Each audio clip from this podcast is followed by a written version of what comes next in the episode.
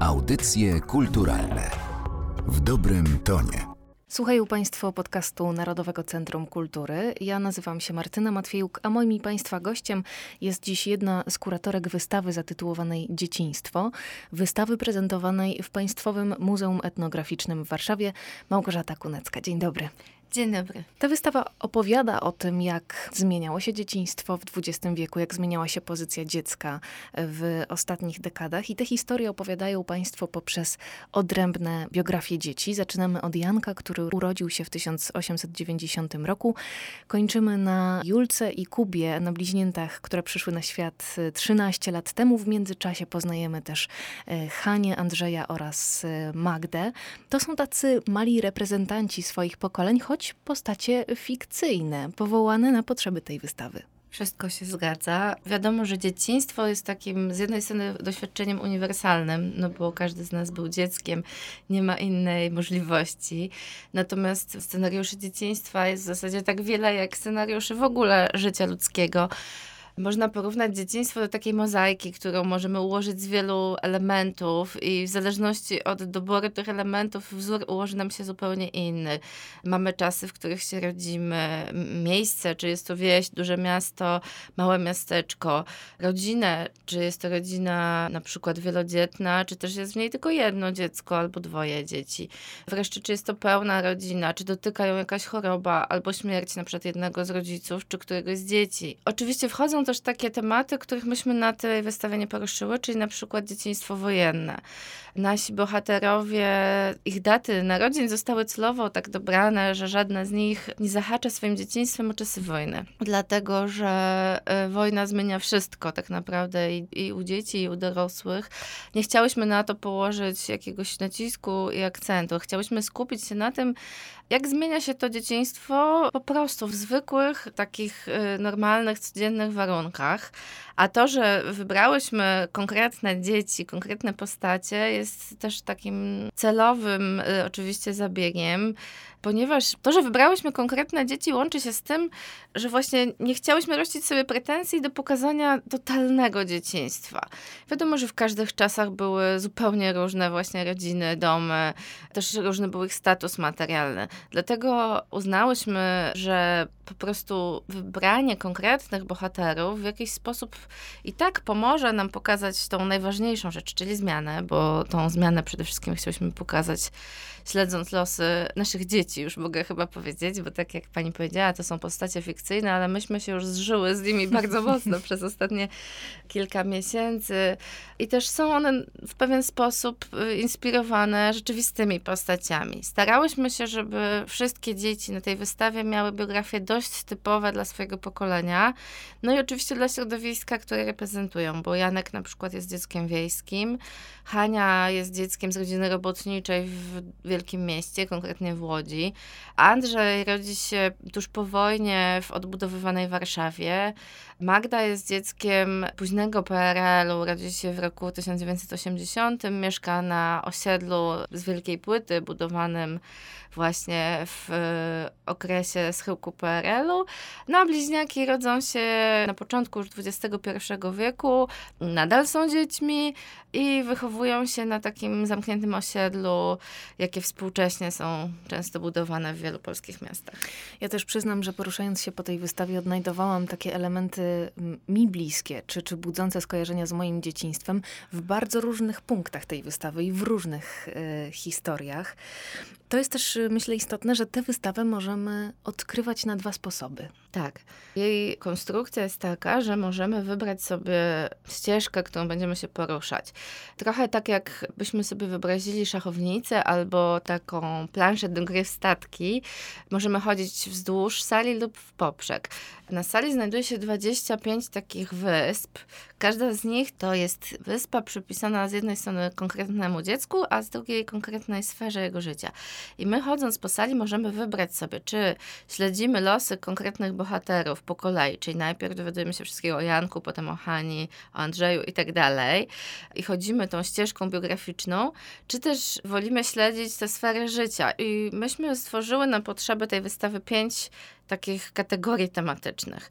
Bo oczywiście tych kategorii jest bardzo wiele, ale wybrałyśmy takie, które wydawało nam się, że najmocniej pokażą tą zmianę. Wybrałyśmy kategorie, które nazywają się obecność, troska, powinność, czyli tu chodzi o obowiązki oczywiście, frajda i autonomia. I o ile te trzy kategorie, takie jak troska, frajda i powinność, to są takie dosyć oczywiste, możemy się spodziewać, co tam zobaczymy, to obecność, która jest pierwsza i autonomia, która jest ostatnia, były dla nas tak naprawdę najtrudniejsze w konstrukcji, bo chodziło nam o to, żeby pokazać, kiedy mały człowiek, dziecko, jego obecność staje się społecznie taka zauważalna, kiedy on się pojawia na przykład w świadomości swojej rodziny czy mhm. swojego mhm. otoczenia, bo to bardzo się zmieniło od czasów właśnie Janka, czyli końca XIX wieku, kiedy dziecko pojawiało się na świecie i tak naprawdę dość długo nie było wiadomo, czy w ogóle przeżyje.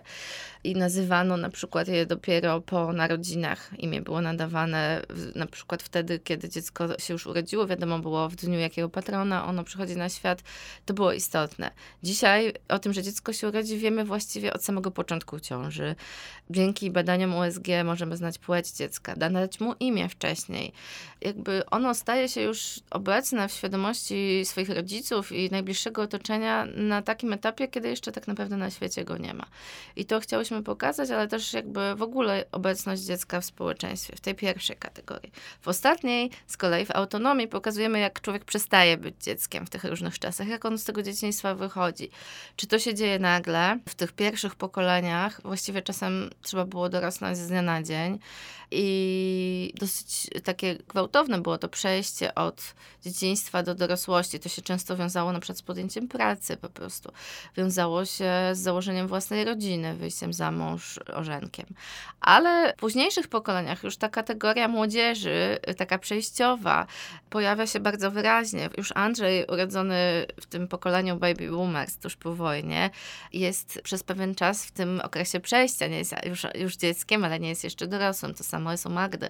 Z bliźniakami mamy o tyle specyficzną sytuację, że one nadal jeszcze są dziećmi, one dopiero wchodzą w ten wiek taki młodzieńczy. No i do końca nie wiemy, jak będzie wyglądać ta autonomia w ich przypadku, kiedy one dziećmi przestaną być. Staramy się też pokazać, że dzieciństwo się wydłuża. Mhm. Tak jak w ogóle wydłuża się nasze życie. My się skupiamy oczywiście tylko na Polsce, bo w ogóle przedstawienie nawet tych polskich realiów było dla nas dosyć dużym wyzwaniem, więc absolutnie już nie wykraczałyśmy poza te nasze krajowe realia, ale długość dzieciństwa bardzo się zmieniła. Troszeczkę wsparłyśmy się takimi statystycznymi danymi, chociaż ogólnie statystyka nie jest ulubioną e, dziedziną etnografów, ale w tym przypadku okazała się bardzo pomocna, bo pokazała nam, jak bardzo rzeczywiście z jednej strony zmniejszył się na przykład udział procentowy dzieci w społeczeństwie. W tej chwili mamy około 18% dzieci, a za dzieci uważa się osoby do lat 18. Natomiast jeszcze przed wojną to było ponad 35%, przy czym za dzieci uważało się osoby do lat 14 to pokazuje, jak ogromną grupą były kiedyś dzieci, jak niewielką w zasadzie są dzisiaj, a tak naprawdę dzisiaj wydają nam się one bardziej obecne przestrzeni publicznej na przykład niż kiedyś. Dzięki temu, że mają dużo większe prawa, no i że wiele przestrzeni na przykład jest dedykowanych dzieciom, wiele wydarzeń jest dedykowanych dzieciom. Ta troska taka społeczna, państwowa jest też o wiele większa. Od no i wystaw muzealnych również. tak sobie myślę, że o tych wszystkich zjawiskach e, związanych z dzieciństwem, z dorastaniem można opowiadać na, na rozmaite sposoby. Obok danych statystycznych na Państwa wystawie znajdziemy mnóstwo przedmiotów, mnóstwo pamiątek związanych z dzieciństwem, fotografie, dokumenty pisane, ale także dokumenty mówione. Jakie w Pani opinii jest y, znaczenie właśnie tych wypowiedzi, tych świadectw, które odwiedzający mogą usłyszeć w muzealnych słuchawkach? Cieszę się, że Pani o tym powiedziała, bo y, my w zasadzie na równi na tej wystawie stawiamy muzealia, jakieś pamiątki, rodzinne przedmioty, jak i fotografie i właśnie te nagrania. Nagrania to są autentyczne wypowiedzi pochodzące z wywiadów etnograficznych e, z bardzo różnych czasów. Te najstarsze wywiady były przeprowadzone przez naszych kolegów z Uniwersytetu Łódzkiego, z Instytutu Etnologii. Mm, I one były prowadzone z e, osobami, które wychowywały się w rodzinach robotniczych w Łodzi, a urodziły się czasem jeszcze pod koniec XIX wieku, bo te wywiady były prowadzone już jakiś czas temu. Także jest to niesamowita kopalnia wiedzy, a zawsze takie autentyczne wypowiedzi ludzkie są rzeczywiście nie do porównania z niczym. Oczywiście one zostały przeczytane przez lektorów. To nie są głosy tych naszych bohaterów, ale dają duże pojęcie o tym kontekście, którego my czasem nie możemy pokazać przez same przedmioty. Najnowsze badania z kolei pochodzą już z XXI wieku, są przeprowadzone częściowo z rówieśnikami naszych najmłodszych bohaterów wystawy, a częściowo z dorosłymi, którzy na przykład starają się o dziecko i tego dziecka mieć nie mogą. To są wywiady dotyczące in vitro, dotyczące w ogóle problemu bezpłodności i tego, co robić, kiedy dziecka nie ma, a chcielibyśmy, żeby było. Także one są bardzo różne, od bardzo wzruszających i poważnych, po takie, przy których możemy się trochę pośmiać. Tu mówię o tych wywiadach z dziećmi. Ale na, bardzo zachęcam wszystkich, którzy zdecydują się odwiedzić naszą wystawę, do tego, żeby włożyli te słuchawki i troszeczkę dali się też ponieść temu, co, co mówią. Są też, e, są też rysunki dzieci. No właśnie, dorosły w oczach dziecka. To też jest bardzo ciekawy temat. Co gdyby te role odwrócić? Bardzo mi utkwił w pamięci jeden z rysunków, w którym dziecko miało przedstawić, co oznacza zdrowie zdrowy i niezdrowy tryb życia i przy tym niezdrowym był dorosły człowiek siedzący przy stole, w jednej dłoni trzymał papierosa, a na tym stole na półmisku leżała ryba, ryba podpisana panga. No to jest niezwykłe, jak dzieci też wyciągają pewne wątki y, z kontekstów. Powiedzmy jeszcze chwilę o przedmiotach. Y, który z tych eksponatów jest dla pani najciekawszy jako dla etnolożki? Ja zapamiętałam mm, taki talerz y, dla niejadków. To pierwszy raz coś takiego widziałam. Talerz głęboki z podwójnym dnem, zamykany na korek, można wlać ciepłą wodę i jedzenie dłużej pozostaje pozostaje ciepłe. Świetny wynalazek. Tak. To akurat połowa XX wieku i rzeczywiście jest to wyraz troski o dziecko, bo niejadki mamy w każdym pokoleniu. Trudno jest mi wybrać jeden przedmiot, bo jest ich tam wiele. Niektóre z nich są rzeczywiście muzealiami inne są po prostu pamiątkami rodzinnymi.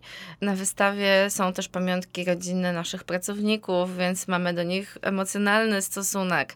Każdy zapewne troszeczkę emocjonalnie podchodzi do tych rzeczy ze swojego pokolenia, dlatego ja jako pokolenie Magdy właśnie w tej jej strefie znajduję bardzo wiele rzeczy, które budzą taki mój sentyment. Ale zasadniczo na przykład reklamówka Peweksu jako takiego miejsca magicznego w moim dzieciństwie ale tak naprawdę chyba takimi przedmiotami, które dla mnie są bardzo znaczące, są obiekty, które pożyczyliśmy z Muzeum Farmacji, związane ze szczepieniami.